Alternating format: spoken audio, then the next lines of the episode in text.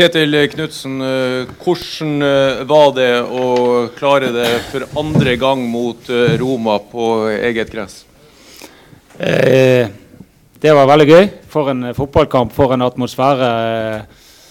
Vi satt her i, går og snakket om at dette er kanskje den største i, kampen i klubbens historie. og eh, Det var ikke det bare for laget og klubben, det var det for eh, eh, alle publikummerne som var til stede på kampen. Så det ble en helt fantastisk atmosfære. Eh, og så mener jeg at vi har en kampplan som fungerer. Eh, vi får eh, Eh, jeg føler at vi er gode i frispillingen. Vi er gode å skape overtall bakfra i første omgang. Eh, og så er vi litt for dårlige til å få det ut i et sluttprodukt. Eh, men vi er balansert. De får ikke kontre. Eh, og så eh, blir vi eh, straffet rett før pause. Og så syns jeg vi er modige. Vi er tøffe.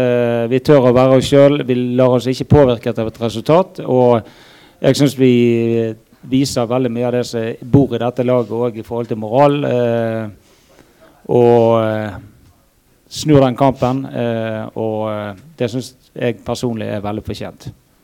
Bra, Jarne. Gratulerer, Kjetil. Um, det snakkes litt om gnisninger mellom deg og Mourinho uh, uh, i andre omgang. her. Kan du si litt om hva som har skjedd? Nei da, det, det, stemmer ikke. Uh, det var tydelig at de kom med en litt annen attitude til denne kampen. Det er en assistenttrener som oppfører seg rett og slett som en tulling. han begynner å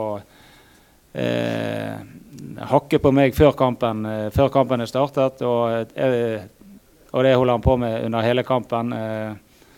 Og, så det er bare så lite fair play som det går an. ønsker å forstyrre min jobb. Eh, og det kokte over to ganger. Eh, og så